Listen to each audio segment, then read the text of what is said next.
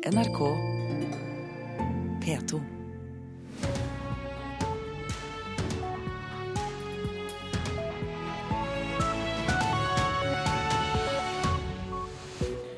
Og her er vi klare med Nyhetsmorgen i studio, Øystein Heggen. Det er mindre interesse for Breivik blant høyreekstreme, mener forsker.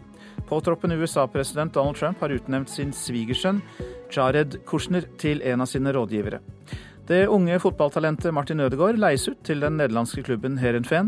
Nesten halvparten av oss vil bo i enebolig, viser undersøkelse. Og våtere og varmere klima truer kulturhistoriske bygninger i Norge. Anders Behring Breivik mottar færre brev fra støttespillere nå enn tidligere. I dag starter rankesaken om soningsforholdene for massedrapsmannen. Forsker Johannes Due Enstad bekrefter at interessen for Breivik har gått merkbart ned. Ja, interessen er tydelig avtagende. Det har det vært i noen år. Enstad, som er postdoktor ved ILOS på Universitetet i Oslo og forsker tilknytta Senter for ekstremismeforskning, sier interessen for Breivik har gått ned, også i høyreekstreme miljøer i Russland, der Breivik fikk åpen støtte i tida rett etter terrorangrepet i 2011. Eh, også i Russland så ser man nå at det eh, er veldig eh, liten aktivitet rundt rundt, eh, rundt, Breivik. Liten interesse for det. Du finner ikke noe sånn aktiv eh, propagandavirksomhet rundt Breivik um, i det hele tatt lenger. I hvert fall veldig minimalt. Hva tror du kan være årsaken til at interessen for Breivik har avtatt? Nei, Det tror jeg er at det har gått en del tid. Selve affæren har mistet nyhetens verdi, og man har ikke lenger den sjokkeffekten å spille på som man hadde i tiden like etter angrepet. I dag starter ankesaken om Breiviks soningsforhold. Breivik har stevna staten for brudd på menneskerettighetene, og mener bl.a. at isolasjonsregimet han sitter i er for strengt. Nei, Kontakt med omverdenen er viktig for klienten, og det er noe han selv er veldig opptatt av. Og det går også på dette med isolasjonstrykket. Det påvirkes også i hvilken grad han får kontakt med andre gjennom brev. Så, så brevkorrespondanse er en viktig del av hans situasjon. Det sier Breiviks advokat Øystein Storvik. Han bekrefter at massedrapsmannen får færre brev i fengselet enn tidligere. Ja, det, er, det er noe eh, lavere hyppighet nå. Det virker på meg har å gjøre med at det er veldig mye som stoppes. Og da vil jo selvsagt eh, noe aktiviteten eh, gå noe ned ut fra at det er så mye som stoppes. Men det er et generelt inntrykk jeg har, og det kommer nok tilbake til i rettssaken. Sånn sett fungerer brevkontrollen? Altså, Vi mener at uh, kontrollen er for streng, slik at det blir for lite kontakt med omverdenen. Og det går på dette totale isolasjonstrykket som vi har tematisert i hele saken. Etter det NRK kjenner til, forbereder massedrapsmannen også denne gangen en hilsen når rettssaken starter. Sist gjorde han en nazihilsen, men verken hilsenen eller oppmerksomheten som fulgte med saken da, førte til økt interesse for Breivik i høyreekstreme miljøer, ifølge forskeren. Jeg tror den har ganske minimal påvirkningskraft i høyreekstreme miljøer i Europa. Med unntak for kanskje enkeltpersoner som kan la seg inspirere. Jeg tror ikke han kommer til å nå frem til så mange. Jeg tror det er minimalt hvem han egentlig når frem til, eh, uansett hvilken hilsen han måtte gjøre i, eh, i rettssalen. Reportere her var Vilde Eljesen, Pål Wergeland og Hilde Martine Lindgren. Påtroppende president Donald Trump har utnevnt sin svigersønn til en viktig jobb i Det hvite hus. Jared Kushner, som er gift med Trumps datter Ivanka, blir seniorrådgiver med ansvar for handel og Midtøsten. 35 år gamle Jared Kushner var en av Donald Trumps nærmeste medarbeidere under presidentvalgkampen, og nå vil altså USAs påtroppende president ha svigersønnen med i sin nærmeste krets i Det ovale kontor. Jared Kushner er eiendomsinvestor og magasinutgiver, og er sønn av nok en eiendomsmilliardær i New York. Han har sagt ja til å ta imot jobben etter å ha forsikret seg om at det ikke bryter et forbud mot å gi offentlige stillinger til slektninger. Han kommer ikke til å bli betalt for jobben, og har tidligere sagt at han vil tre til side som sjef i familiebedriften og i magasinet hvis han får jobben i Det hvite hus. Noen mener likevel det er fare for en rekke interessekonflikter med Kushner som rådgiver for handel og Midtøsten. Det siste fordi han har et nært forhold til Israel. Hans kone og den påtroppende presidentens datter Ivanka kommer ikke til å jobbe i Donald Trumps administrasjon, sier familien. Utenriksmedarbeider Wenche Eriksen orienterte der.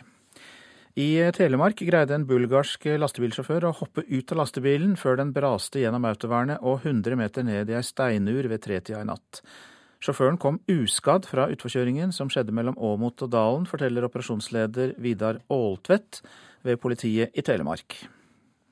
Det var uh, veldig glatt, og like før han kom ned til Liosvingen, så har han uh, pga. glatta da, gått rett fram i en sving ut gjennom autovernet. Og idet han eh, passerer autovernet, så åpner eh, høyre dør eh, på lastebilen seg. Og sjåføren han får hoppa over i passasjersetet og hoppa ut av den døra som da var åpen, før bilen forsvant ned i ura og stoppa mot to treer. Vi må kunne si at han var veldig heldig. Det går an å forestille seg at han ville blitt alvorlig skada hvis han hadde blitt med bilen ned. Men da lastebilen kjørte utfor, så forsvant også alt han hadde med bilen ned i ura, så det var ikke så lett å få meldt fra til politiet om ulykken? Nei da, mobiltelefonen den, den ligger igjen i bilen. Eh, han eh, kara seg opp på veien igjen og gikk en drøye to kilometer eh, mot eh, Åmot. Og der eh, banka han på dør og fikk vekk den familien som bodde der, og så ble vi varsla. Vidar Oltvedt i Telemarkspolitiet til Bo Lilledal Andersen. Så til det avisen er opptatt av. Afghanske Hamed Yosefi henges ut som mulig terrorist, skriver Adresseavisen. 22-åringen var med da Frivillighetssentralen i Stjørdal inviterte til leirdueskyting sammen med den lokale jeger- og fiskeforeningen. Og et bilde av Hamed som holder et gevær, spres nå i sosiale medier med beskyldninger om at Frivilligsentralen lærer opp framtidas jihadister. Men Hamed lever et liv som andre norske ungdommer, er en av de mest integrerte av alle, sier andre på Frivilligsentralen til avisa. Redd for å miste jobben, skriver Nordlys som ansatt i Max bryggeri i Nordkjosbotn i Troms etter striden med Rema 1000. Og sør i landet skriver Federlandsvennen at Kristiansands bryggeri frykter nedbemanning etter at de fleste av deres produkter også forsvinner fra Rema 1000. Priskutt når ikke fram til forbruker, skriver Nasjonen. Lavere pris til sauebonden har ikke gitt billigere kjøtt for forbrukerne, ifølge Norsk institutt for bioøkonomi, som sier at butikkprisene lever sitt eget liv. Flere lar seg lokke vekk fra Bergen, kan vi lese i Bergens Tidende. For mange er leilighet i sentrum for dyr. Befolkningsveksten er nå større i Askøy, Fjell og Os enn i Bergen, og byens næringsråd begynner å bli bekymret for det. Software spiser opp verden, er oppslaget i Dagens Næringsliv. Roboter, IT og kunstig intelligens erstatter arbeidsplasser. Utgifter til programvare kommer til å overstige lønnskostnadene for alle selskaper i løpet av få år. Den spånaden, spånaden Det spår toppsjefen i IT-konsernet Visma, Øystein Moan.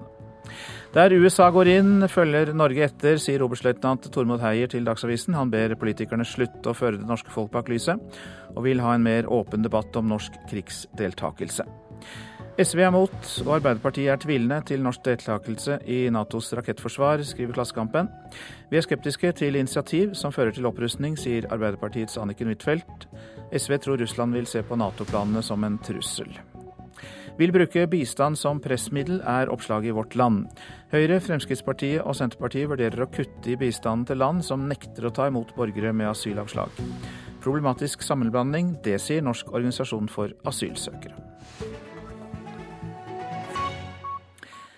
Det er eh, stor interesse fra det internasjonale mediemiljøet når Norge som første land i verden går over til digital radio. I Nordland fylke slutter NRK, P4 og Radio Norge å sende på FM-nettet i morgen. Og det er representanter fra mange land som vil eh, få det med seg.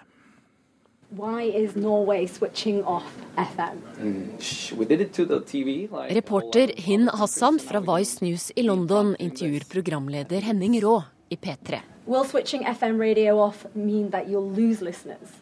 Hun og TV-teamet hennes har tatt turen til Bodø for å dekke den historiske begivenheten når NRK og de store kommersielle radiokanalene i morgen stanser sendingene sine på FM-nettet i Nordland og går over til DAB.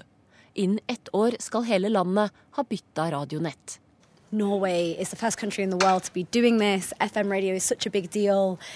Norge er det første landet som gjør dette. FM er stort i Storbritannia og i USA, og vi vil finne ut hvorfor dette gjøres og hva det vil bety, sier Hassan. Reportasjene hennes skal vises på HBO sine kanaler i USA og Storbritannia. Og interessen internasjonalt er stor, forteller Mari Hagerup i Digitalradio Norge. Ja, vi hadde på fredag, så eh, tror jeg i løpet av omtrent en time, så ringte det altså inn journalister fra Colombia, fra Canada. I ettermiddag inviterer hun til internasjonal pressekonferanse på nett, der bl.a. nyhetsbyråer som Reuters og Ap har meldt seg, samt BBC og flere andre europeiske medier. Det er jo historisk selvfølgelig at eh, man heldigitaliserer radio. Mange mange, mange har digitale sendinger i dag, både på DAB og på nett og andre digitale plattformer. Men det at man utfaser den gamle teknologien, det er jo første gang eh, det skjer med nasjonale sendinger. Det er altså i morgen klokka 11 minutter over 11 at skiftet skjer. Da står programleder i P3, Henning Rå, i radiostudio i Bodø det er morsomt å høre at det har et så stort perspektiv, og det sier jo noe om hva som faktisk skjer, og at Norge da er det første landet i verden til å slokke FM-nettet. Det er faktisk en historisk begivenhet. Og da må jeg si at jeg er jo nesten litt stolt da, eh, av å da faktisk være en av flere som skal være på lufta på det her tidspunktet når akkurat den bryteren her skal skrus av. Og Reporter her, det var Kari Skeie. Med oss fra Bodø er Ole Jørgen Torvmark i Digitalradio Norge. God morgen. God morgen. Ja, Hvorfor tror du den internasjonale interessen er så stor for det vi driver på med her i Steinrøysa? Ja, Det er nok et uttrykk for at radio er et eh, medie som over hele verden er svært populær. Og når det skjer en eh, slik stor endring og modernisering av radiomediet, så er det mange som vil følge med på dette. Og ikke minst fordi at det er mange land som har tilsvarende planer. Du leder jo selskapet som skal sikre denne overgangen til digital radio her i landet. Men i dag er det også viktig å fortelle alle brukere om viktige oppdateringer. Og hva snakker vi om? Jo, i natt så klokken 12, etter klokken tolv så skjer det en oppdatering i DAB-nettet som gjelder hele landet. Og det er en endring for kanalene P1, P1 pluss, P2, P3 og Alltid nyheter, som går over fra DAB-formatet til det nye DAB pluss-formatet. Hvordan skal vi ordne oppdateringen eh, på radioene våre? Ja, Det betyr at man da i morgen tidlig eh, bør eh, gjøre, eller må gjøre, en kanaloppdatering. Det gjør man ved å oppdatere kanallisten. Og på radioene så kan det hete f.eks. rescan, scan eller reset. Og så kan man være klar over at på noen radioer så kan det være nødvendig å gjenopprette fabrikkinnstillingen, altså en factory reset som det kan da gjerne hete. Og det finner man i menyen eller inne på innstillingen i radioen. DAB pluss er jo det systemet som skal brukes framover, og derfor skjer jo denne overgangen. Men fortsatt er mange eh, har gamle DAB-radioer, i den grad vi kan kalle de gamle. Eh, hva betyr det for dem som har eh, første, den første utgaven? Nei, Først og fremst så vil jeg jo da beklage at denne overgangen for dem er nødvendig. Men jeg håper at de har fått mye glede ut av disse radioene i de årene de har hatt de. De har jo da for type vanlige radioer ikke vært solgt siden 2010. Men har du en slik radio og vil fremdeles da høre på de kanalene som nå flytter over, så er det da muligheten å bruke et adapter hvis man ønsker å beholde den radioen, eller så må man jo da bytte den ut. Så de som var aller flinkest, som kjøpte DAB-radio veldig tidlig, før DAB pluss kom på banen, de svir jo litt nå, da? Ja, er, jeg forstår jo veldig godt at man vil kunne føle det sånn, men som sagt, det har vært noen år man forhåpentligvis da har kunnet hatt stor glede av, av radioen. Men hvis man er litt i tvil om denne radioen har eh, bare gammel DAB eller DAB pluss, hvordan kan man sjekke det? Man kan teste det på hvilken som helst radio ved å f.eks. Eh, prøve å lytte på kanalen NRK MP3. Og hvis man da hører lyden av kanalen, ikke bare ser den i displayet, men da har man en, en DAB pluss-radio. Det er altså oppdateringene som skjer i natt, og dette er noe man må passe på i eh, morgen tidlig. Men hva skal ellers skje med DAB-nett i løpet av de nærmeste 24 timene, Torvmark? Ja, det skjer mer. Eh, fordi på den gledelige siden, eh, for de som kanskje syns dette hørtes litt trist ut, så skjer det også en flytting av kanalene eh, P13, Alltid nyheter, NRK Jazz og NRK Klassisk, de flytter ifra det såkalte kommersielle radionettet for DAB til NRKs eget DAB-nett. Og Det som er gledelig ved det, er at disse kanalene da får ganske sterk forbedret dekning. Og alle NRKs kanaler får da den samme dekningen, 14 stykk totalt. Og Dette er en fordel også fordi at det har skapt litt forvirring at NRK-kanalene har hatt ulik dekning i DAB-nettet, men fra og med i natt så er altså alle kanalene like tilgjengelige i hele landet. Og I morgen skal vi snakke mer om overgangen som da skjer i Nordland. Klokka 11.11 .11 i morgen er overgangen fra FM til DAB. Det kommer vi tilbake til. Takk skal du ha, Ole Jørgen Tormark. Selv takk. Som altså er leder i Digitalradio Norge. Klokka er 6.48. Dette er hovedsaker. Da Norge hadde hemmelige fredssamtaler med Taliban i Afghanistan, bidro Norge til at en kommandant i Taliban ble løslatt fra fengsel. Akbar Aga skulle sone 16 år for kidnapping og trusler, men slapp ut 11 år før tiden. Mer om denne saken etter klokka sju. Anders Behring Breivik mottar færre brev fra støttespillere nå enn tidligere. I dag starter rankesaken om soningsforholdene for massedrapsmannen. USAs påtroppende president Donald Trump sier han vil utnevne svigersønnen Jared Kushner til sin seniorrådgiver for handel og Midtøsten. Han er gift med Trumps eldste datter Ivanka. Nå om fotballtalentet Martin Ødegaard. Han eh, skal leies ut fra Real Madrid til den nederlandske klubben Heerenveen. Nordmannen blir presentert på en pressekonferanse i dag. Det bekreftet klubben eh, seint i går kveld. Martin Ødegaard har hatt sitt siste spark på ballen i Real Madrid, i hvert fall for en stund. Den nederlandske klubben Heerenveen la sent i går kveld ut en melding om at nordmannen skal presenteres i dag. Erik Sergio er på plass i Nederland og skal dekke dagens pressekonferanse for NRK. Det i hvert fall blir snakka om en halvannet års lånekontrakt med Heerenveen, der Real Madrid skal ha mulighet til å hente Ødegaard tilbake til sommeren. Men foreløpig er detaljene ganske sparsommelige, så uh, mye som kommer til å komme fram på pressekonferansen klokka halv tolv i dag. Ødegårds nye klubb er nummer fire på tabellen i nederlandsk æresdivisjon og har hatt flere nordmenn innom, bl.a. Tariq Elunossi, Christian Grindheim og sist Magnus Wolff Eikrem. Tore Pedersen, som er Ødegårds agent, er for tiden i Kina og skriver i en SMS at han ikke ønsker å uttale seg nå. Sa reporter Andreas Toft.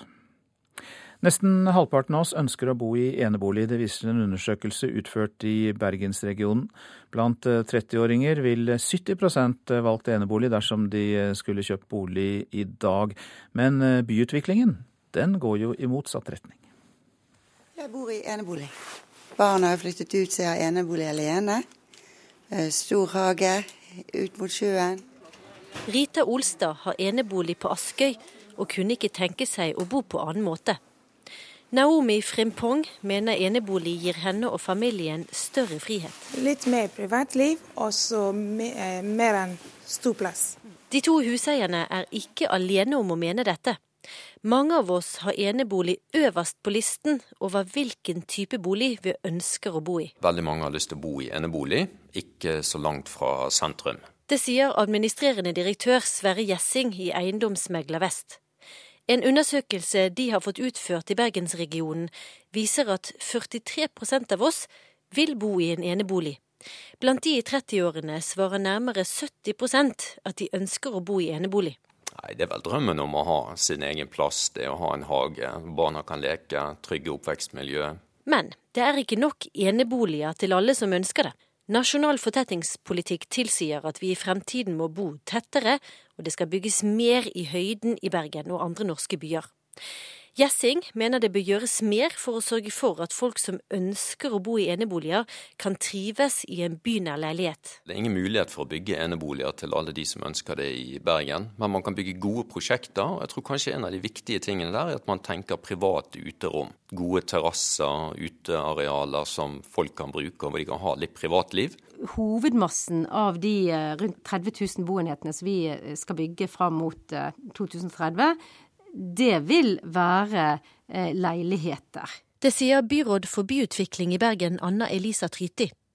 Hun er enig i at det er viktig å sikre gode uteområder for de som bor i bynære leiligheter. Men for å oppfylle boligdrømmen til flest mulig i bergensområdet, må Bergen samarbeide med nabokommunene, sier hun. Jeg vil invitere nabokommunene til å være med og utvikle et boligbyggeprogram, sånn at vi sammen kan se på hvilke ulike tilbud vi skal ha i de ulike delene av bergensregionen. Rita Olstad mener hun er heldig som har god plass og bor landlig. Man bor jo i en by, men samtidig så, så har man den muligheten at man har det litt landlig rundt seg. Gå fra sengen i morgenkåpe ut og tråkke i gress. Og... Reporter her, det var eh, Siri Løken. Våtere og varmere klima truer kulturhistoriske bygninger i Norge. En ny rapport slår fast at vel halvparten av de om lag 5000 kulturhistoriske bygningene som museene eier, er i så dårlig stand at noe må gjøres. Her ser vi jo da tydelig hvordan det har råtna. Her har det vært fuktig over lang tid. Og det har råtna, og det har vært insektangrep. Og store deler av den nedre delen av veggen her er jo brutt ned. Roy Høibo viser fram skadet treverk på stallen ved museumsgården Kolbeinstveit i Suldal. Han leder et klimaprosjekt satt i verk av museene i Norge. Eh, tilstanden ved mange museer, sånn som her, er jo ikke altfor god fra før. Og det er klart Med et tøffere klima så vil denne type skader akselerere. For når det blir våtere, trives både grønske, mose, skadedyr og rust bedre. Tak, det er liksom det mest utsatte, sant? Det lekker. Det lekker, ja. Høybo har besøkt 23 museer rundt om i landet og snakket med 80 personer. Han fant ut at det trolig trengs reparasjoner på halvparten av de om lag 5000 kulturhistoriske bygningene som museene driver. Jeg har funnet ut at det er eh, mangel på kapasitet. Det er mangel på kunnskap. Og det er mangelfull prioritering av bygninger. På den kirka her, stavkirka fra Garmo, så har vi sett på våren da, spesielt at det har blitt en sånn ja, Kall det en slags algevekst på veggene på den hitsida av kirka sier Torger Korpberget, som har ansvaret for over 200 historiske bygg på Maihaugen på Lillehammer. Du får mer vind, mer regn, du får alle disse her tingene her, da, og det er ikke enkelt å møte. Museene er pålagt en rekke resultatmål som har gjort at bygningene kanskje har kommet litt i skvis i forhold til andre mål. Det er jo publikumstallene som blir bretta ut over flere sider. sant? Museene kan ikke konkurrere med underholdningsindustrien. Altså Vi har ei, ei samfunnsoppgave i å dokumentere og bevare historia. Reporter var Anette Johansen Espeland. På fem år har det vært en dobling i antall presseoppslag hvor kjendiser forteller om sine egne psykiske problemer. Det viser en undersøkelse analysebyrået Retriever har gjort for NRK. Noe av grunnen til at kjendisene forteller om problemene sine i mediene, er at de ellers ikke får omtale, sier lederen i et plateselskap. TV 2s aktualitetsprogram God morgen Norge er en av arenaene der kjendisene forteller om problemene sine. Det er noe som skjer i tiden, det at vi åpner opp for å snakke om de vanskelige tingene. Det sier Sissel Ransborg, som er redaksjonsleder i God morgen Norge på TV 2. Programmet er et av mange hvor kjendiser har letta sitt hjerte rundt egen psykisk sykdom.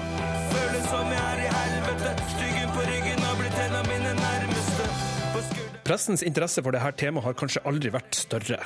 De to siste årene har det til sammen vært 914 saker i norsk media hvor kjendiser snakker ut om dette temaet. Det viser tall fra medieovervåkningsselskapet Retriever. Åpenhet rundt psykiske problemer er noe som engasjerer folk. Det er en litt sånn trend i tiden at stadig flere ønsker å snakke om det. Og vi ser at seerne responderer spesielt bra når det er kjente folk som gjør det, fordi det anerkjenner også da, at det å ha psykiske lidelser er noe allment og vanlig. Men samtidig så er scenen et sted som er knytta til angst? Ja, angst og disse tingene her føler jeg det er, det er jo en del av helheten, på en måte, det òg. Nei, det var jo eh, det derre ufattelige mørket. Kristoffer Lo i High As A Kite og Lene Marlin er bare to av mange artister som har snakka om psykiske problemer på NRK.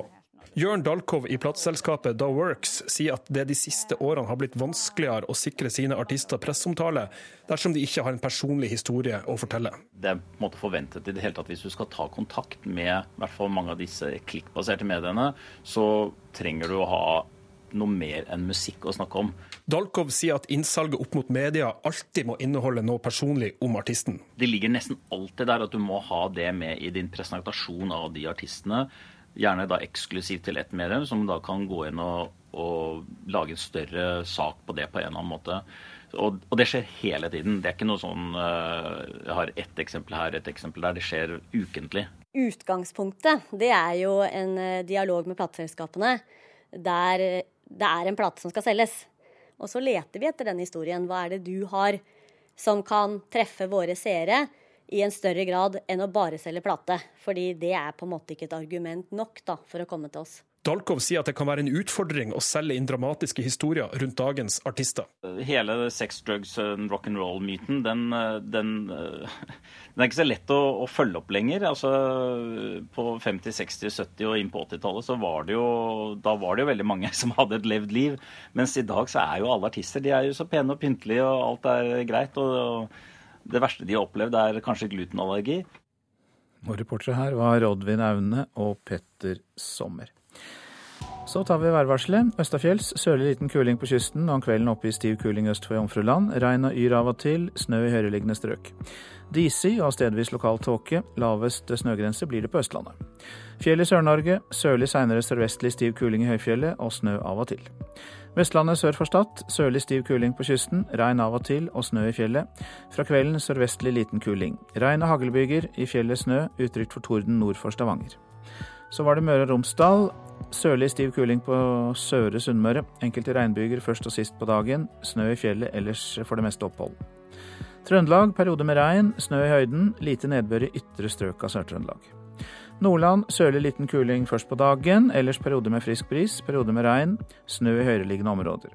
Troms litt snø som brer seg fra sør. Finnmark nordvestlig liten kuling på kysten av Øst-Finnmark først på dagen. Snøbyger vesentlig i ytre strøk. Etter hvert litt snø i vest og på vidda på ettermiddagen. Spitsbergen nordvestlig stiv kuling i nordøst. Noen snøbyger i nord og på kysten i vest ellers opphold. Temperaturer klokka fire. Svalbard lufthavn minus 14, Kirkenes minus 7, Vardø minus 4, Alta minus 6, Tromsø minus 4. Så er det plussgrader. Bodø 1, Brønnøysund 5, Trondheim 4, Molde 3, Bergen, Stavanger og Kristiansand 5, Gardermoen 2, Lillehammer 0 og Røros og Oslo 3.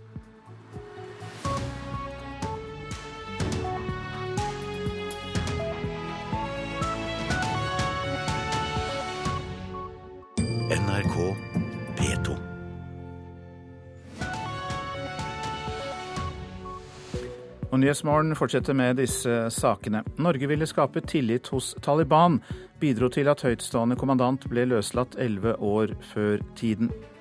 Tidligere etterforsker Leif A. Lier, som i en periode var Eirik Jensens sjef, kom hit for å kommentere rettssaken. Arrestasjonen av sjefen for narkotikapolitiet i Finland har flere likhetstrekk med saken mot Eirik Jensen. Og Venstre mener Arbeiderpartiet ikke går langt nok i Lofoten-fredning. Da Norge hadde topphemmelige fredssamtaler med Taliban i Afghanistan, bidro Norge til at en høytstående kommandant i Taliban ble løslatt fra fengsel. Akbar Aga skulle sone 16 år i fengsel for å ha kidnappet og truet med å halshugge tre FN-arbeidere, men han slapp ut 11 år før tiden, etter at NRK ba den afghanske regjeringen om å løslate ham i 2009. Det sier en kilde til NRK. Året er 2009, og Taliban angriper nok en gang. Nå amerikanske og afghanske styrker som leverer bøker til en skole. Samtidig, i all stillhet, blir en tidligere høytstående kommandant i Taliban benåda.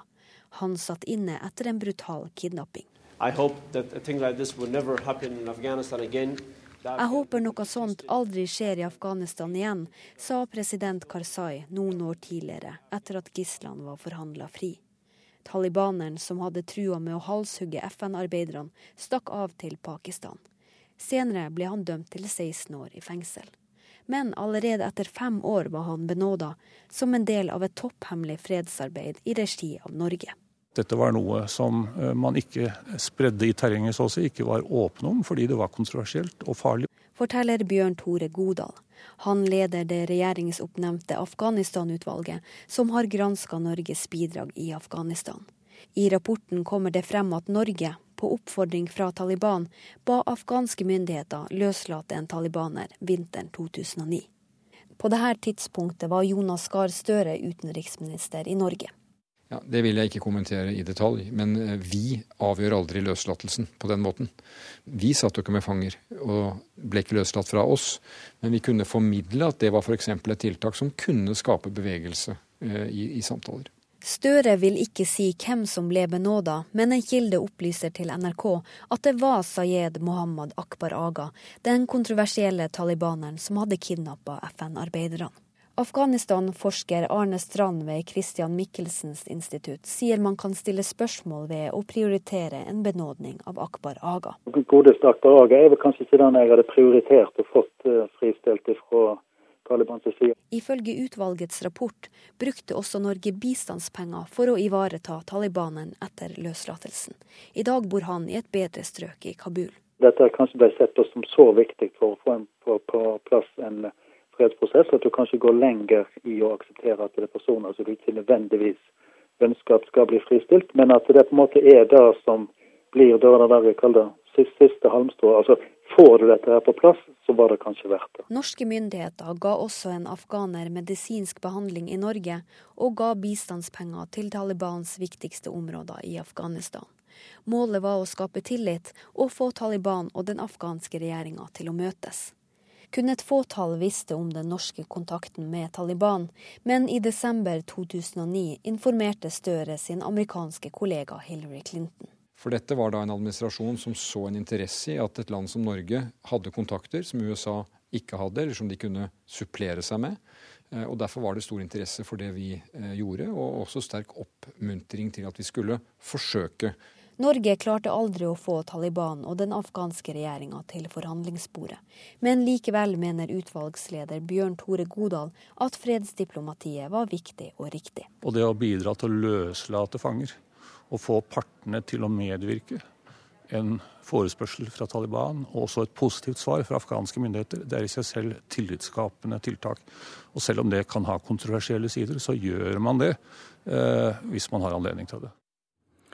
Og vi legger til at i dag skal utenriksministeren og forsvarsministeren redegjøre om Afghanistan-rapporten i Stortinget. Reporter var Kristine Svendsen. Nå til rettssaken mot Eirik Jensen. Dommerne blir ikke påvirket av mediedekningen av Jensen-saken. Det sier tingrettsdommer Ina Strømstad, som er medlem av dommernes mediegruppe. Statsadvokat Lars Eik Alfheim advarte i går om den massive medieomtalen saken har fått. Men dommerne er forberedt, sier Strømstad. Vi må huske at de skal høre masse vitneforklaringer, få fremlagt masse dokumentasjon gjennom et halvt år. Eh, og når de da gjør seg opp en mening om saken, så skal de altså begrunne den meningen i de bevisene de har hørt i retten. Og det betyr at de kan ikke begrunne sitt resultat i noe de har hørt fra media. Vi har først begynt saken i dag. Men kampen om dere, dommernes oppfatning i saken, den har begynt for lenge siden. Statsadvokat Lars Eik Alfheim advarte i går om den massive medieomtalen av saken mot den tidligere polititoppen Eirik Jensen. Den kan påvirke dommerne, mente han. Og han sa Jensen hadde ført deler av saken i media. Det er Jensens forsvarer Arild Holden uenig i. Nei, det er en fremstilling som ikke jeg kjenner meg igjen i. Vi har selvfølgelig hatt noen uttalelser til pressen, men eh, det har eh, bare ment å være klargjørende. I dag skal Spesialenheten for politisaker ved aktor Guro Glærum Kleppe holde sin innledning. Eirik Jensen har tidligere nektet å stille i avhør hos Spesialenheten, av frykt for lekkasjer om saken. Kleppe avviser at Spesialenheten har bidratt til at deler av saken ble ført på forhånd i pressen. Vi har eh, forholdt oss til eh, media på den måten som man skal gjøre under under etterforskningen. Og eh, jeg har ingen grunn til å tro at lekkasjene kommer fra Spesialenheten. Og vi har forholdt oss til hvordan vi skal uttale oss i henhold til den, den rollen. Og vi har hatt under etterforskningen og nå i forhold til forberedelse til hovedforhandling. Tingrettsdommer Ina Strømstad sier det er en mulighet for at media kan påvirke. Jeg tror ikke vi skal være så redd for det, nettopp fordi at de er så bevisst hvilke bevis de har anledning til å legge vekt på, og at de ikke har anledning til å legge vekt på det de har hørt i media. Reportere her Milana Knesevic og Runa Victoria Engen. Og tidligere politietterforsker Leif A. Lier, god morgen til deg. God morgen. Du var i en periode på 1990-tallet sjefen til Eirik Jensen. og Hvordan vurderer du de lekkasjene som har kommet i saken mot ham de siste månedene, og kanskje særlig nå de siste dagene? Det var ikke særlig overraskende. Det er vel slik at når det er store saker som kommer opp i Norge, og sikkert andre land òg, så er journalister, mediene, er på hele tiden. Får opplysninger fra forskjellige hold, skriver og lager stoff ut av det. Så dette var helt normalt slik det pleier å være i Norge. Men tror du lekkasjene kan påvirke rettssikkerheten til Eirik Jensen? Ja, det håper jeg inderlig ikke. Nå er det jo slik at det som er skrevet og sagt til mediene, det har gått begge veier. Jeg har jo merket meg at Spesialenheten sier at de har ikke lekket noe som helst. Men man må jo stille seg spørsmålet hvor kommer da disse opplysningene fra som er til Eirik Jenses ikke fordel, altså negativt for han? Og selv har han jo skrevet en bok, men han sier jo også i den, skriver i den boken at han vil ikke forhåndsprosedere saken. Så det er klart, her er en mulighet for at man kan bli påvirket i den forstand at det er ikke noe menneske, ingen, som vil forbli upåvirket av opplysninger som kommer frem. Men så er det viktig at man sier til seg selv som dommer eller meddommer at dette må jeg ikke tenke på, legge vekt på. Jeg må bare legge vekt på det som fremkommer her i rettssalen. Rettssaken startet jo i går, men uh, har du allerede rukket å bli overrasket over noe som har kommet fram? Nei, overhodet ikke. I går var det jo stort sett statsadvokat Alfheim som eh, fremla en del av disse tingene som påtalemyndigheten mener skal føre til fellende dom. Eh, sa flere ganger at han ville komme tilbake til forskjellige ting. Og eh, det var ikke noe som var overraskende. Hva står på spill? Ja, Her står mye på spill. For det første, når det gjelder Eirik Jensen, så er jo det det største fallet et menneske kan oppleve. Eh, det er snakk om da en enorm straff. Husk på at dette er en strafferamme på 21 år.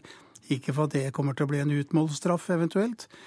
Og for eh, Cappelens side så er det jo slik at han har tilstått. Så nå er det om å gjøre å komme med de opplysningene som kan gjøre at han kan få en nedsatt straff. I morgen er det planen at Eirik Jensen skal starte sin forklaring. Hva er du mest spent på i den? Jeg er ikke så veldig spent. Han har jo selv sagt at han vil komme med alle opplysninger, og han vil komme med opplysninger som er meget overraskende. Jeg går ut ifra at han vil ikke brenne noen av sine tidligere kilder ved navn. Men uh, min erfaring fra de årene som jeg drev med dette, er jo at hvis det var vanskelige spørsmål opp mot det juridiske, så ble alltid statsadvokaten brakt inn som høyere påtalemyndighet for å vurdere hva man kunne gjøre og ikke gjøre. Og i denne saken foreligger det også da, ifølge mediene, nok en gang presiserer det, en tillatelse fra høyere påtalemyndighet om å sende ganske mange kilo hasj ut på markedet i, som en del av etterforskningen. Takk skal du ha, Leif A. Lier, tidligere politietterforsker og også en periode på 1990-tallet sjefen til Erik Eirik Jensen. Vi går videre til Finland for arrestasjonen av en tidligere sjef for narkotikapolitiet der har likhetstrekk med saken mot Eirik Jensen. Jari Arnio ble pågrepet og varetektsfengslet eh, få måneder før Erik Jensen ble pågrepet. Den finske politilederen ble anklaget for flere grove brudd på landets narkotikalovgivning, men hevdet at han eh, jobbet undercover og at han ikke hadde gjort noe galt. I romjula så ble Arnjo dømt til fengsel i ti år.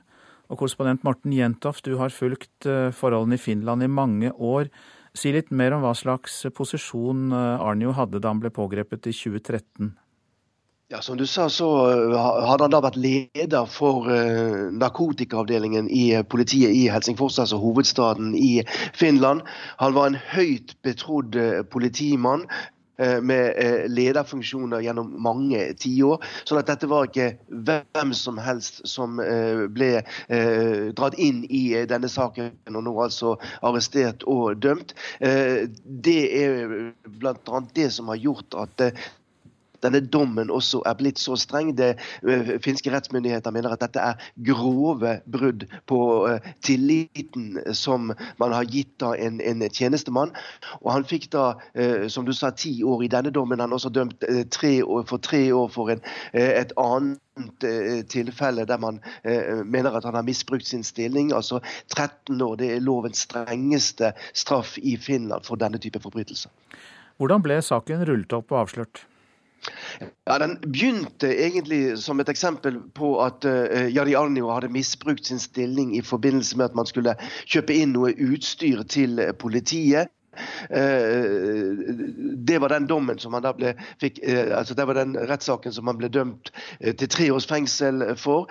Og i forbindelse med den saken så dukket det altså opp andre og langt mer alvorlige påstander om at han skulle vært med og importert nærmere 1000 kilo med hasjis fra Holland til Finland. Og dette ble han da til slutt også dømt for. Og I tillegg til det så er han altså dømt for flere andre forhold, bl.a. trusler mot egne medarbeidere. Og det er grunnen til at han da fikk en så streng dom som han, som han gjorde, altså til sammen 13 år i fengsel. Kort til slutt, Hva har han selv sagt om sine arbeidsmetoder? Nei, Han uh, sier det at uh, dette var en del av hans uh, måte å jobbe for, for å avsløre narkotikanettverk i Finland. han sier det at han, og det har man allerede, har han allerede gjort. Han kommer til å anke denne dommen til Høyesterett også i Finland. Men foreløpig må han altså belage seg på å sitte mange år i fengsel. Mange takk skal du ha, korrespondent Morten Jentoft, som altså omtalte den finske politisjefen Jari Arnio. Klokka går mot 7.17. Dette er hovedsaker. Da Norge hadde hemmelige fredssamtaler med Taliban i Afghanistan, bidro Norge til at en kommandant i Taliban ble løslatt fra fengsel. Akbar Aga skulle sone 16 år for kidnapping og trusler, men slapp ut 11 år før tiden. USAs påtroppende president Donald Trump vil utnevne svigersønnen Jared Kushner til seniorrådgiver for handel og Midtøsten. Han er gift med Trumps eldste datter Ivanka. Det er eh, uaktuelt for Venstre å støtte Arbeiderpartiets kompromissforslag om oljeaktiviteten. Det skal vi straks høre mer om. For når det gjelder eh, oljeaktivitet utenfor Lofoten, Vesterålen og Senja, så sier altså nestleder Ola Elvestuen i Venstre at det er uaktuelt å støtte kompromissforslaget fra Arbeiderpartiet. Han sier at Arbeiderpartiet må gå enda lenger dersom de vil gjøre seg lekre for Venstre etter valget.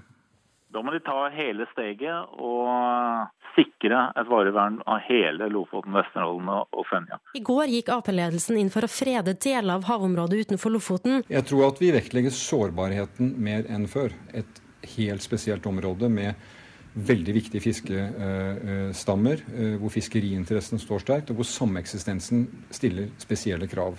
Men fortsatt ønsker de konsekvensutredning av feltet Nordland 6 sør for øst. Vi vil ikke ha åpning heller utenfor Lofoten. I dag har Venstre en avtale med Høyre-Frp-regjeringa om at området ikke skal røres. Men begge regjeringspartiene vil egentlig ha konsekvensutredning. I går var oljeminister Terje Søviknes fra Fremskrittspartiet blant Arbeiderpartiets argeste kritikere. Først og fremst opplever jeg dette som et svik mot eh, industrien og eh, norske arbeidsplasser. Sjøl om både Frp og Høyre skjeller ut Arbeiderpartiet for å foreslå fredning av deler av området, sier Elvestuen at han legger til grunn at dagens avtale om fredning av hele området også gjelder etter valget. Har dere noen garantier på det? Dette er den viktigste saken for Venstre. Det var det siste gang. Det vil det være også denne gangen. Det er definitivt det vi setter øverst på blokka, og legger til grunn at vi får den samme enigheten. Og en mellomløsning er uaktuell eh, for Venstre? Vi går ikke inn i neste periode og lager en dårligere løsning enn den som vi har i dag. Jeg syns det er positivt at et stort parti som Arbeiderpartiet nærmer seg Venstre sitt standpunkt i, i, dette spørsmålet. Sier Venstres fylkesleder i Sogn og Fjordane, Gunhild Berge Stang. Hun har tidligere advart partiet sitt mot å binde seg til høyresida. Jeg er åpen for å tenke samarbeid i alle retninger. Uh, og dette er jo et steg i riktig retning for Arbeiderpartiet i forhold til å gjøre seg aktuelle. Reporter var Siv Sandvik, og det blir debatt om oljevirksomheten utenfor Lofoten, Vesterålen og Senja i Politisk kvarter klokka 7.45. Norge har jo nådd langt når det gjelder likestilling, eh, liker vi gjerne å tenke, men kvinner og menn har likevel ikke like muligheter i Norge. Det kommer fram i Likestilling- og diskrimineringsombudets rapport om hvordan Norge følger opp FNs konvensjon om å avskaffe alle former for diskriminering mot kvinner. Det er skjevheter både når det gjelder lønn og lederstillinger i arbeidslivet. Og eh, det er også eh, kritikk mot eh, at kvinner blir utsatt for vold og trakassering. Og Derfor er du her, Hanne Bjurstrøm. Velkommen. Takk. Likestillings- og diskrimineringsombud. Det er fem år siden den forrige rapporten. Er det noen bedring? Det som er problemet når man har gjort så mye bra på likestilling som Norge har gjort, er at man lett kan bli litt nesten kan man si lat eller ufokusert. Ser ikke de områdene hvor man faktisk fortsatt har store utfordringer.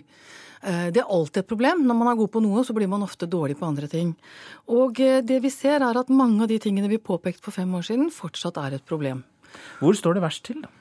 Eh, det kommer litt an på om man skal se på det som rammer den enkelte, eller det er mer det man kan kalle det overordnede strukturelle. Når det gjelder de enkelte, så er det helt uholdbart at Norge fortsatt ikke har fått klart å trygge kvinner og kvinner og barn mot vold og overgrep. Der har vi store utfordringer ennå. Når du skal tenke litt mer hva som rammer veldig mange, så er det klart at den situasjonen vi har i norsk arbeidsliv, hvor kvinner velger veldig smalt, hvor kvinner tjener gjennomgående dårligere enn menn, selv om man tar høyde for at de jobber mindre, men bare det at de også jobber mindre, og at det er kvinner som øh, kvinner ikke når like høyt opp i karrierestigene som menn. Men det må være vanskelig å gjøre noe med de enkelte voldstilfellene, som alle og hver enkelt av dem er ille. Men hva kan samfunnet gjøre for å, for å forhindre og forebygge? Det som er viktig, og, det, og, der har man jo langt på vei muligheter til å gjøre noe, det er å ha en helt eh, gjennomgripende eh, kultur for å fange opp i samfunnet, i alle ledd av hjelpeapparatet, når man ser at ting holder på å skje. Nesten alle varslede, eller nesten alle partnerdrap i Norge er det man kan kalle varslede. Hadde man hatt gode systemer for å fange opp at noe skjer, så kunne man nok i mange tilfeller ha unngått at dette skjedde. Men vi har ikke gode nok strukturer. Jeg kritiserer ikke noen enkelte. Det er ikke det at ikke noen gjør jobben sin, men vi må få på plass gode systemer for å sørge for at vi forebygger og hindrer eh, den situasjonen som mange faktisk kvinner er i. Så trekker dere fram noe det har vært kraftig debatt om, eh, frifinnelser i voldtektssaker. Hva sier dere om det? Nei, det vi sier er at, eller for å si det sånn, FN tok opp dette for fem år siden også. Da var de opptatt av at man i Norge eh, man, man, mente å se at det finnes holdninger i hele rettspleien, fra politi, påtalemyndighet, domstol, som kan føre til at, anmeld, at voldtekt ikke anmeldes, og at, at Eh, man kan få frifinnelser som man ikke skulle hatt. Det vi er opptatt av, er at nå må vi eh, sørge for at politiet får gode ressurser til å kunne etterforske disse sakene på en god måte. Kunne klare å sikre bevis på en god måte, slik at man får domfellelser der man skal ha domfellelser. Mange takk skal du ha, Hanne Bjørstrøm, likestillings- og diskrimineringsombud. og Dette gjaldt altså Likestillings- og diskrimineringsombudets rapport til eh, FN om hvordan vi følger opp kampen mot diskriminering mot kvinner. Så skal jeg si litt om det avisene er opptatt av. Afghanske Ahmed Yosefi henges ut som mulig terrorist, skriver Adresseavisen. 22-åringen var med da Frivilligsentralen i Stjørdal inviterte til leirdueskyting sammen med den lokale jeger- og fiskeforeningen. Et bilde av Hamed som holder et gevær, spres i sosiale medier med beskyldninger om at Frivilligsentralen lærer opp fremtidens jihadister. Men Hamed lever et liv som andre norske ungdommer, og en av de mest integrerte av alle, sier andre på Frivilligsentralen til avisa. Redd for å miste jobben, skriver Nordlys som ansatt i Max bryggeri i Nordkjosbotn i Troms etter striden med Rema 1000. Og sør i landet skriver Federlandsvennen at Kristiansands bryggeri frykter nedbemanning etter at de fleste av deres produkter også forsvinner fra Rema 1000. Priskutt eh, når ikke fram til forbruker, skriver Nasjonen. Lavere pris til sauebonden har ikke gitt billigere kjøtt til forbrukerne.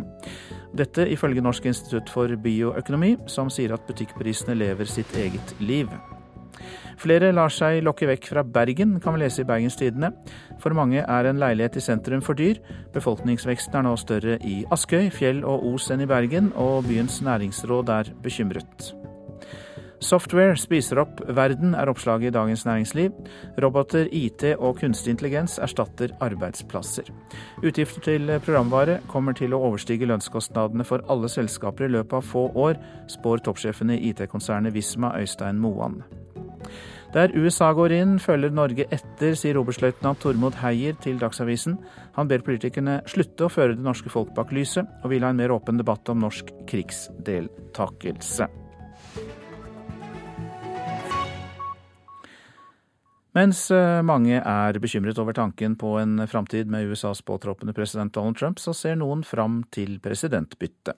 Den tyrkiske regjeringen er sikker på at president Trump vil rette opp feilene Obama-administrasjonen har gjort i sitt forhold til Nato-landet Tyrkia. NATO bünyesindeki işbirliğimiz ortaklığımıza ayrı bir boyut katıyor. Vårt samarbeid innen Nato gir en viktig dimensjon til forholdet mellom Tyrkia og USA, sa Tyrkias utenriksminister Mevlut Cavacolo i Ankara i går. Men Tyrkias regjering har slett ikke vært fornøyd med Obamas administrasjon.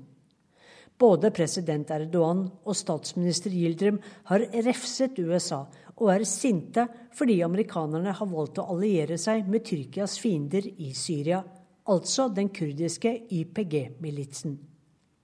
Kurderne har vist seg svært effektive i kampen mot IS. Derfor ville USA alliere seg med dem. Også tyrkerne kjemper mot IS, men ikke sammen med de syriske kurderne.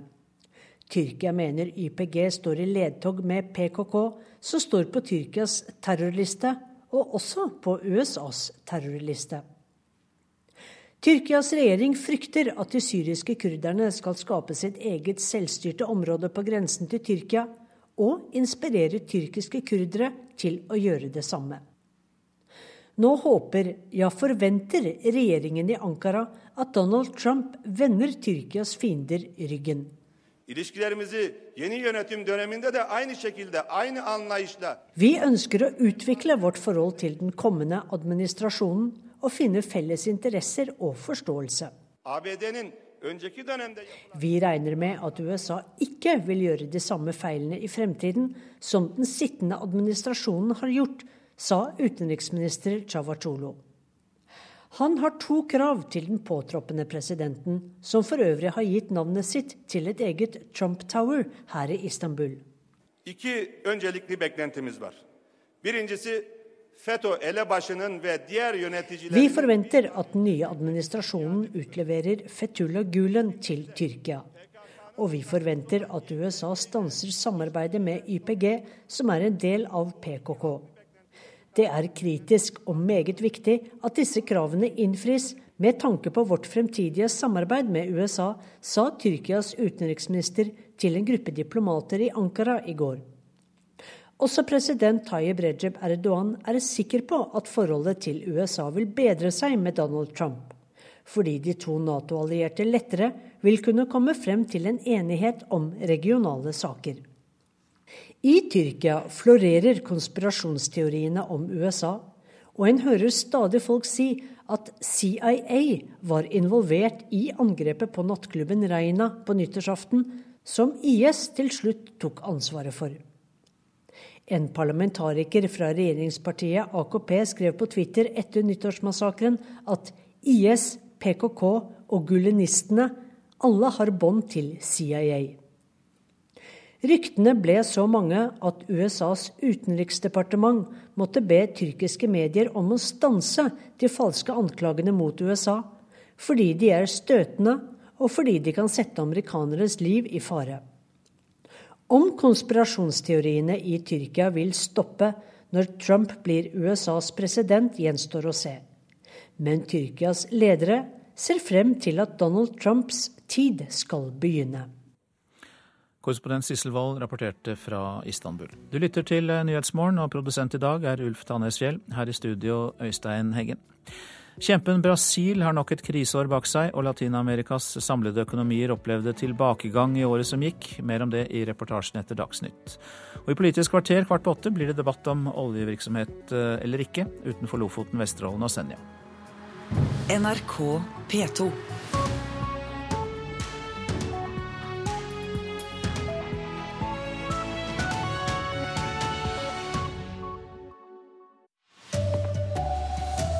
Norge bidro til at kidnappingsdømt talibaner ble løslatt elleve år før tiden.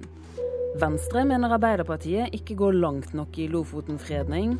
Og lastebilsjåfør reddet livet ved å hoppe ut av en farlig bil. Her er NRK Dagsnytt klokken er 7.30. Aller først til de topphemmelige samtalene Norge har hatt med Taliban, da Norge bidro til at en høytstående kommandant i Taliban ble løslatt fra fengsel. Akbar Aga skulle sone 16 år for å ha kidnappet og truet med å halshugge tre FN-arbeidere. Men han slapp ut 11 år før tiden, etter at Norge ba den afghanske regjeringen om å løslate ham i 2009, sier en kilde til NRK. Året er 2009, og Taliban angriper nok en gang. Samtidig, i all stillhet, blir en tidligere høytstående kommandant i Taliban benåda. Han satt inne etter en brutal kidnapping. Jeg håper noe sånt aldri skjer i Afghanistan igjen, sa president Karzai noen år tidligere etter at gislene var forhandla fri. Sayed Mohammed Akbar Aga ble dømt til 16 år i fengsel men han slapp fri etter fem år som en del av et topphemmelig fredsarbeid i regi av Norge. Dette var noe som eh, man ikke spredde i terrenget, så å si, ikke var åpne om, fordi det var kontroversielt og farlig. Sier Bjørn Tore Godal, leder av det regjeringsoppnevnte Afghanistan-utvalget. Utvalget skriver at Norge, på oppfordring fra Taliban, ba afghanske myndigheter løslate en talibaner vinteren 2009. En kilde opplyser til NRK at det var den kontroversielle kidnapperen Akbar Aga som ble løslatt. Da var Jonas Gahr Støre utenriksminister. Det vil jeg ikke kommentere i detalj, men eh, vi avgjør aldri løslatelsen. Vi satt jo ikke med fanger og ble ikke løslatt fra oss, men vi kunne formidle at det var f.eks. et tiltak som kunne skape bevegelse eh, i, i, samtaler. Norge ga også en afghaner medisinsk behandling her, og ga bistandspenger til Taliban-områder. Målet var å skape tillit hos Taliban og få dem til å møte den afghanske regjeringa. Det lyktes aldri, men likevel mener utvalgsleder Bjørn Tore Godal at fredsdiplomatiet var riktig og viktig. En forespørsel fra Taliban og også et positivt svar fra afghanske myndigheter, det er i seg selv tillitsskapende tiltak. Og selv om det kan ha kontroversielle sider, så gjør man det hvis man har anledning til det. Og i dag redegjør utenriksministeren og forsvarsministeren om Afghanistan-rapporten i Stortinget. Reporter var Kristine Svendsen.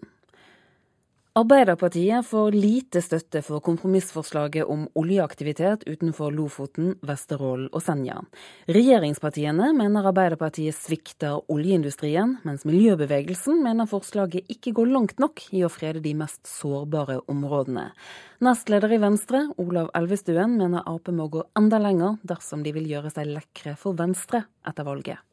Da må de ta hele steget og sikre et varevern av hele Lofoten, Vesterålen og Senja. I går gikk Ap-ledelsen inn for å frede deler av havområdet utenfor Lofoten, men fortsatt ønsker de konsekvensutredning av feltet Nordland 6 sør for øst. Vi vil ikke ha åpning heller utenfor Lofoten Lofoten. I dag har Venstre en avtale med Høyre-Frp-regjeringa om at området ikke skal røres. Men begge regjeringspartiene vil egentlig ha konsekvensutredning. I går var oljeminister Terje Søviknes fra Fremskrittspartiet blant Arbeiderpartiets argeste kritikere. Først og fremst opplever jeg dette som et svik mot eh, industrien og eh, norske arbeidsplasser. Sjøl om både Frp og Høyre skjeller ut Arbeiderpartiet for å foreslå fredning av deler av området, sier Elvestuen at han legger til grunn at dagens avtale om fredning av hele området også gjelder etter valget. Har dere noen garantier på det? Dette er den viktigste saken for Venstre. Det var det siste gang. Det vil det være også denne gangen. Det er definitivt det vi setter øverst på blokka, og legger til grunn at vi får den samme enigheten. Og en mellomløsning er uaktuell eh, for Venstre? Vi går ikke inn i neste periode og lager en dårligere løsning enn den som vi har i dag. Reporter var Siv Sandvik, og Arbeiderpartiets Hadia Tajik møter kritikere i debatt i Politisk kvarter her i NRK klokken 7.45. En bulgarsk lastebilsjåfør greide å kaste seg ut av lastebilen før den braste gjennom autovernet og ned i en steinur i Telemark ved tretiden i natt. Ulykken skjedde mellom Åmot og Dalen da lastebilen skled rett frem i en sving. Det forteller operasjonsleder Vidar Aaltvedt hos politiet i Telemark. Det var uh, veldig glatt, og like før han kom ned til Liosvingen, så har han uh, pga. glatta gått rett fram i en sving. Ut gjennom autovernet, og idet han uh, passerer autovernet, så åpner høyre dør på lastebilen seg. Og sjåføren han får hoppa over i passasjersetet og eh, hoppa ut av den døra som da var åpen, før bilen forsvant ned i ura og stoppa mot to trær.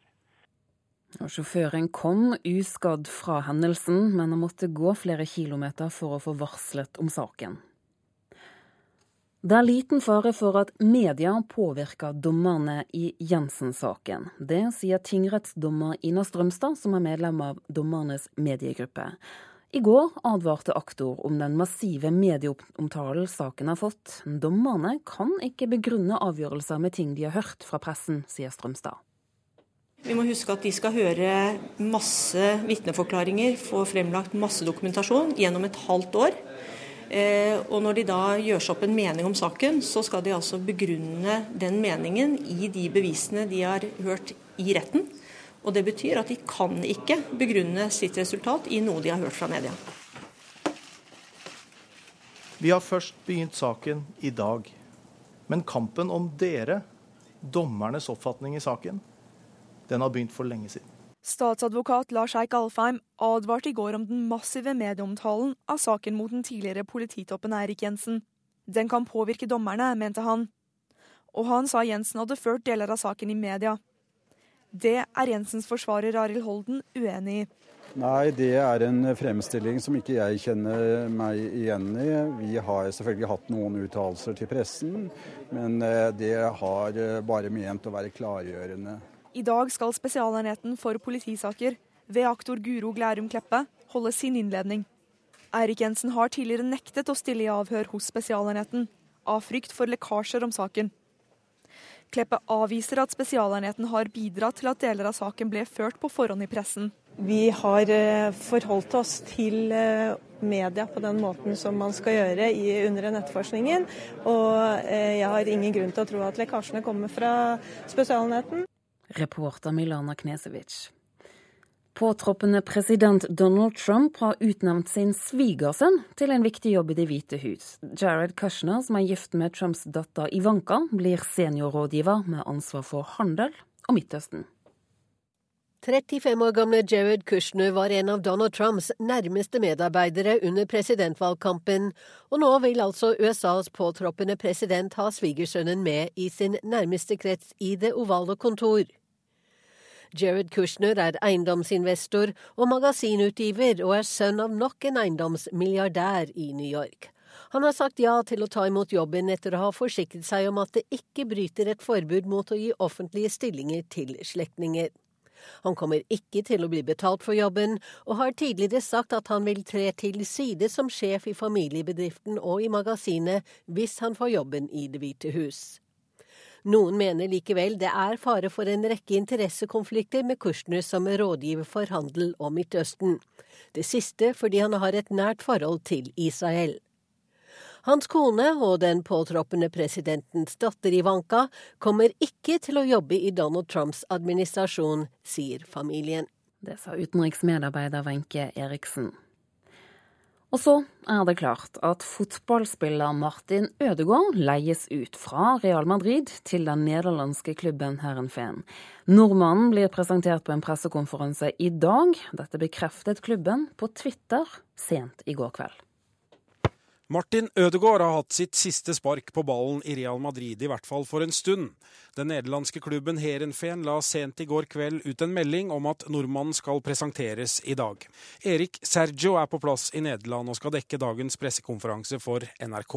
Det i hvert fall blir snakka om en halvannet års lånekontrakt med Heerenveen, der Real Madrid skal ha mulighet til å hente Ødegaard tilbake til sommeren. Men foreløpig er detaljene ganske sparsommelige, så uh, mye som kommer til å komme fram på pressekonferansen klokka halv tolv i dag. Ødegårds nye klubb er nummer fire på tabellen i nederlandsk æresdivisjon og har hatt flere nordmenn innom, bl.a. Tariq Elunossi, Christian Grindheim og sist Magnus Wolff Eikrem. Tore Pedersen, som er Ødegårds agent, er for tiden i Kina og skriver i en SMS at han ikke ønsker å uttale seg nå. Sa Andreas Toft. NRK Dagsnytt var ved Anne Skårseth, og i studio Turi Grønbekk.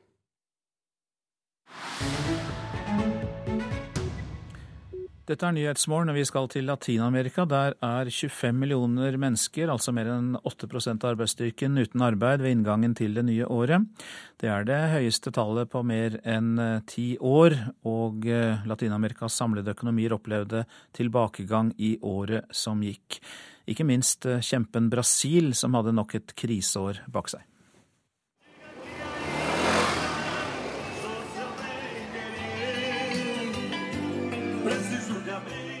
Jeg er i Brasils største favela, Rosinha, et av stedene som rammes hardest av den økende arbeidsledigheten i landet. Den 27 år gamle Wellington Sousa er en av mange som har mistet jobben den siste tiden. E a crise no Brasil acabou afetando os empregos e tal. Jeg jobbet på et handlesenter, men pga. krisa her i Brasil ble det nedskjæringer, og jeg og mange andre ble sagt opp. Siden har jeg lett overalt etter en ny jobb. Det er en desperat situasjon når man har familie og regningene hoper seg opp, sier 27-åringen.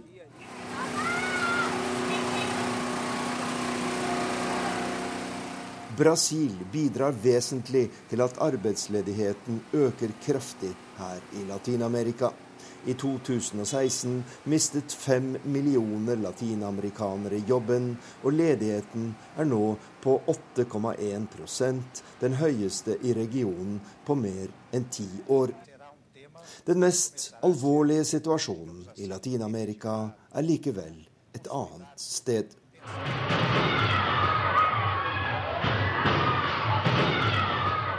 Rasende venezuelanere går amok foran et supermarked i Caracas. Tragedien Venezuela fortsetter i 2017 uten utsikter til bedring. Fortsatt står folk i endeløse køer for å få tak i mat og forbruksvarer de har råd til å kjøpe. Økonomien falt med 10% i 2016, og inflasjonen nærmer seg 500% i året.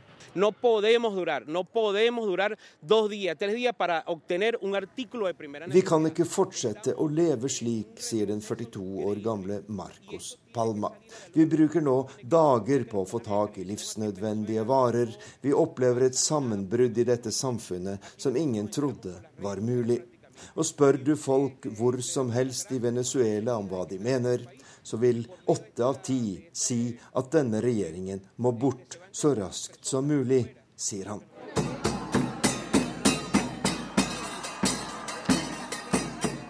Tusener av argentinere demonstrerer på Maiplassen i sentrum av Buenos Aires. Nærmere 75% av befolkningen er misfornøyd med situasjonen etter ett år med Mauricio Macris sentrum-høyre-regjering. Inflasjonen er på over 40% mer enn 6% lever i ekstrem fattigdom, og mange mener 2017 blir et skjebneår for Macri-regjeringen og for Argentina. Este gobierno es antidemocrático. Y yo y de los denne regjeringen er antidemokratisk, sier den pensjonerte journalisten Jorge Mancinelli. Det er en regjering som ikke lytter til folket, og som driver en brutal, nyliberalistisk politikk. Til fordel for de rike og til skade for landets fattige, sier han. Det var Arnt Stefansen som rapporterte fra Rio de Janeiro. Dette er hovedsaker i Nyhetsmorgen. Da Norge hadde hemmelige fredssamtaler med Taliban i Afghanistan, bidro Norge til at en kommandant i Taliban ble løslatt fra fengsel. Akbar Aga skulle sone 16 år for kidnapping og trusler, men slapp ut 11 år før tiden.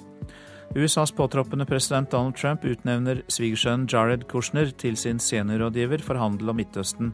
Han er gift med Trumps eldste datter Ivanka.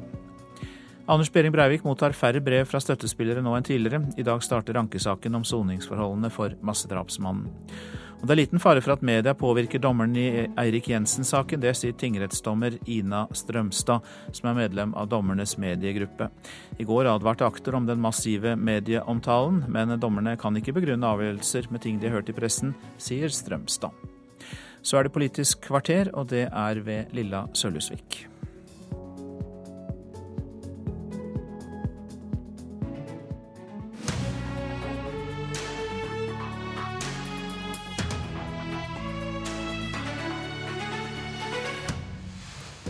Arbeiderpartiet lover oljefritt Lofoten. Et svik mot oljenæringen, mener de blå-blå. Ikke et reelt kompromiss, mener de rød-grønne. Men hva sier de gule på midten? Er det i det minste en invitasjon til samarbeid?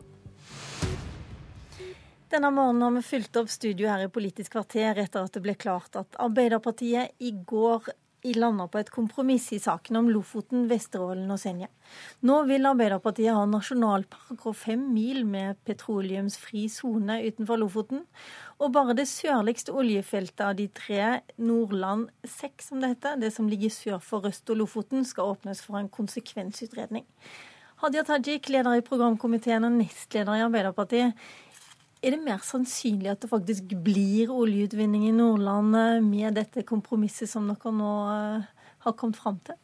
Det har i hvert fall vist seg nesten helt umulig i snart uh, ti år. Altså, det har vært snart fire år med Høyre- og Fremskrittspartiregjering, og det har ikke vært noe bevegelse i denne saken. Arbeiderpartiet har jo òg sittet i regjering uten at det har vært noe bevegelse i denne saken. Når uh, programkomiteen til Arbeiderpartiet har kommet fram til dette standpunktet, så er det fordi vi ønsker å kombinere hensynet til industri Eh, og oljevirksomhet og framtidig verdiskaping med hensynet til natur og reiseliv og fiskeri. Og når vi tar et veldig klart standpunkt i retning av eh, vern på helt konkrete områder. Lofotodden og fem kilometer eh, rundt det. Eh, etablere det som en nasjonalpark. Og vi òg sier at eh, Nordland 7 og Troms 2 at det skal ses inn i en større helhetlig sammenheng i forbindelse med revideringen av forvaltningsplanen etter 2020. Så gir det et annet handlingsrom for hvordan man kan vurdere konsekvensutredning for Nordland 6. Nye muligheter, altså.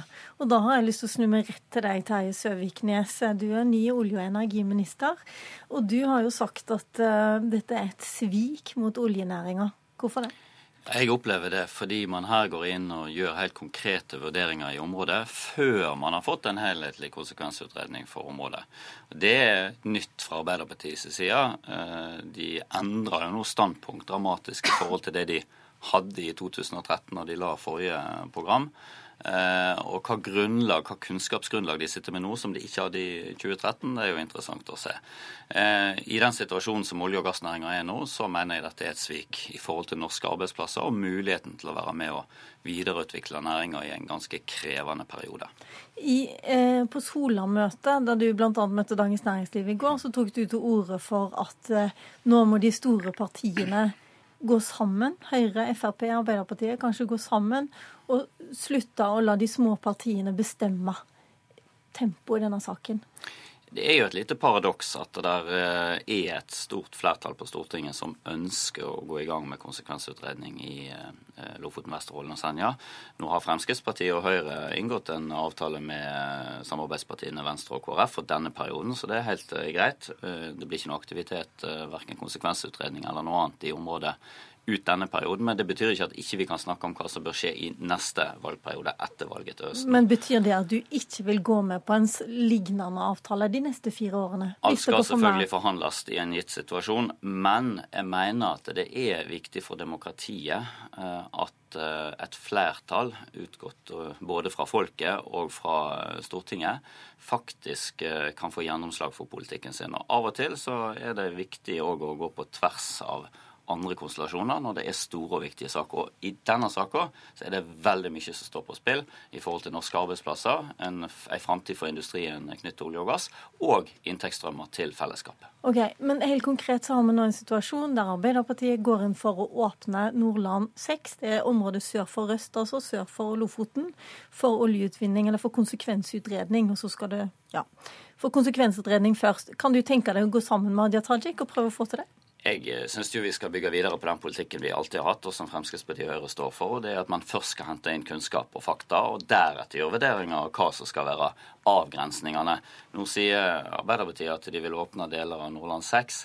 Det er jo litt rart da, når i realiteten tre fjerdedeler av Nordland 6 allerede ble åpna etter konsekvensutredning tilbake igjen jo, i 1994, okay, greit, og så har Arbeiderpartiet stoppa det i 2001. Nå har du en mulighet faktisk for å gå sammen med de store partiene og få til akkurat det, i hvert fall som Arbeiderpartiet også går inn for. Jo, men da blir det en ny eh, eventuell forhandling som må eh, finne sted. Og fra Fremskrittspartiet og Høyres side så har man jo ønska å tatt eh, konsekvensutredning for hele området, nettopp for å få på plass kunnskapen om, om området. og deretter kunne avveie interessene. Det er jo det konsekvensutredning faktisk skal gå ut på. Ok, Tajik? Jeg vil tilbakevise påstanden om at Arbeiderpartiet ikke ønsker kunnskap om området. Det vil vi ha. Vi er klare for å gjennomføre en konsekvensutredning, særlig av Nordland 6.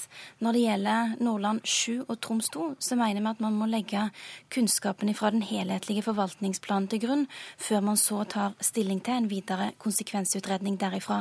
Men det er vår tilnærming skrittvis kunnskapsbasert.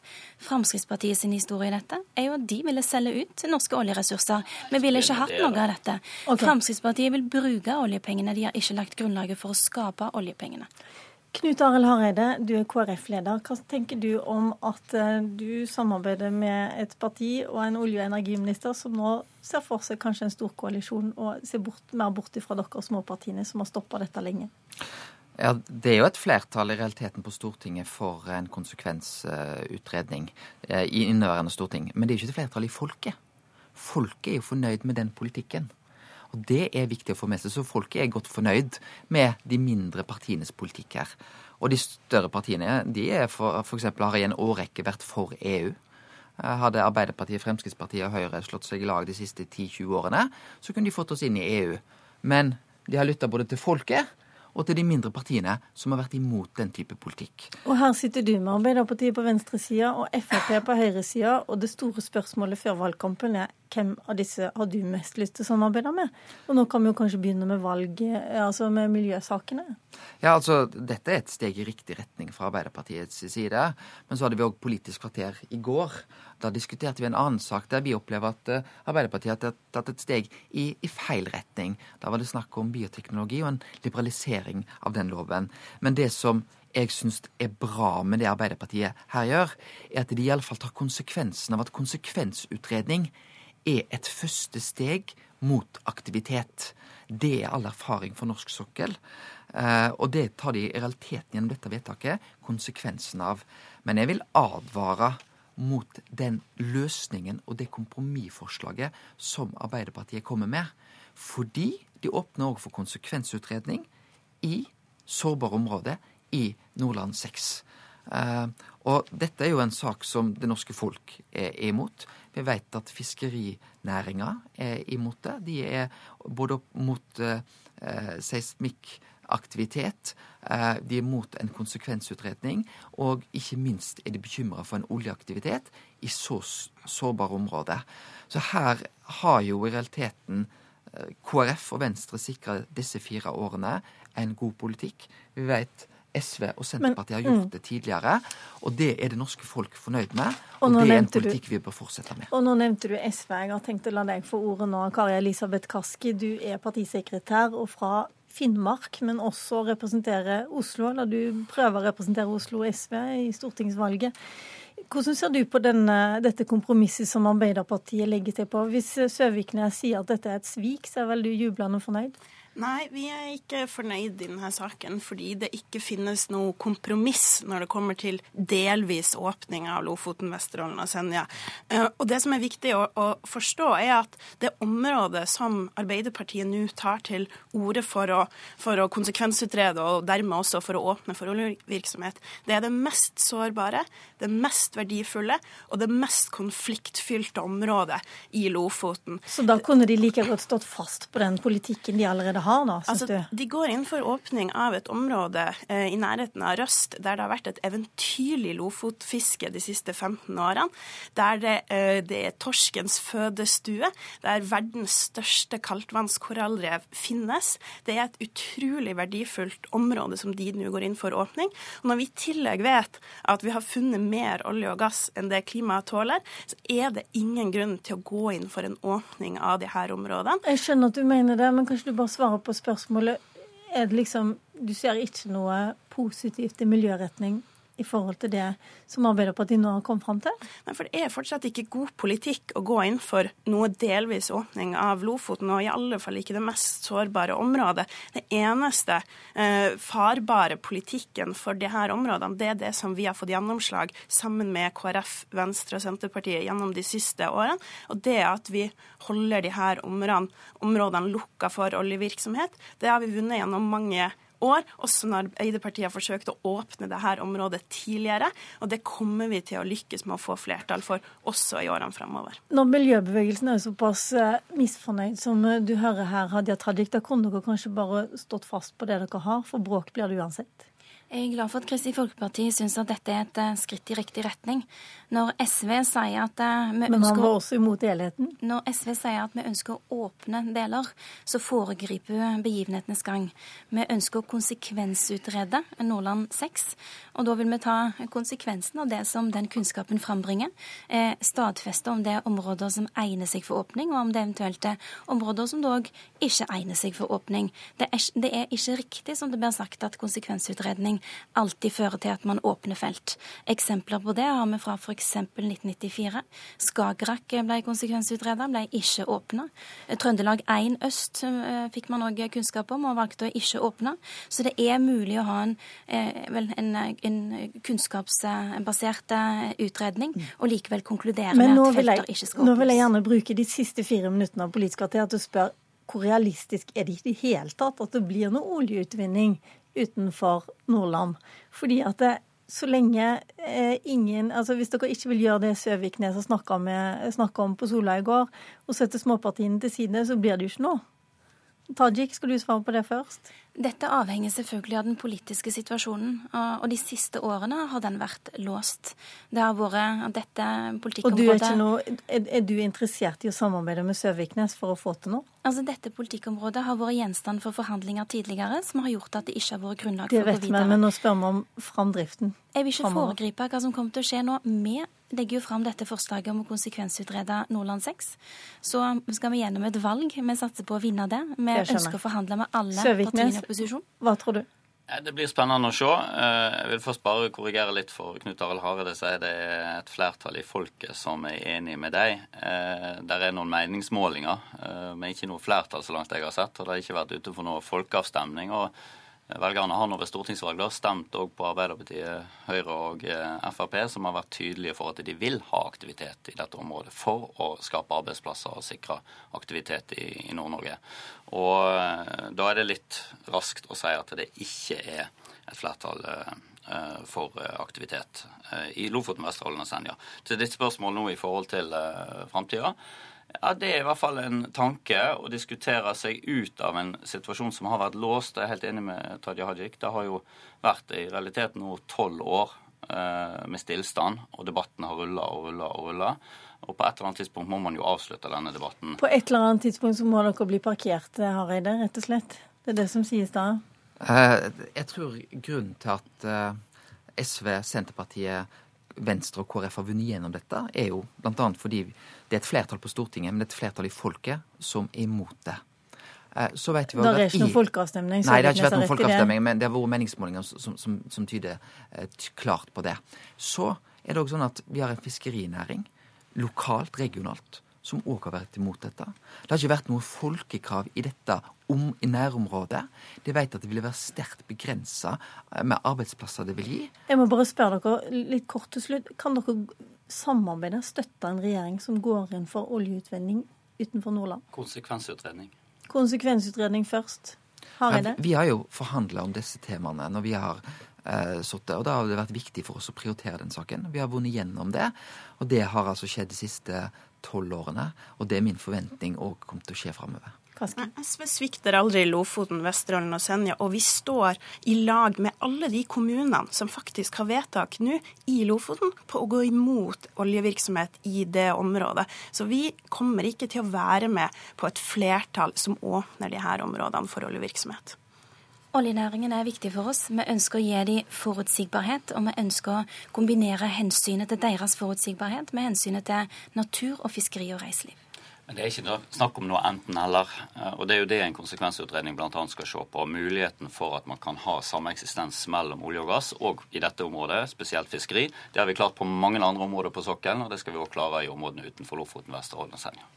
Kollega Magnus Takvam oppsummerer og kommenterer denne saken i 8.30-sendingen i Nyhetsmorgen. Følg med oss videre på NRK Radio. I programlederstudio i dag, eller programlederstolen heter det, Lilla Sølhusvik. Takk for oss. Hør flere podkaster på nrk.no podkast.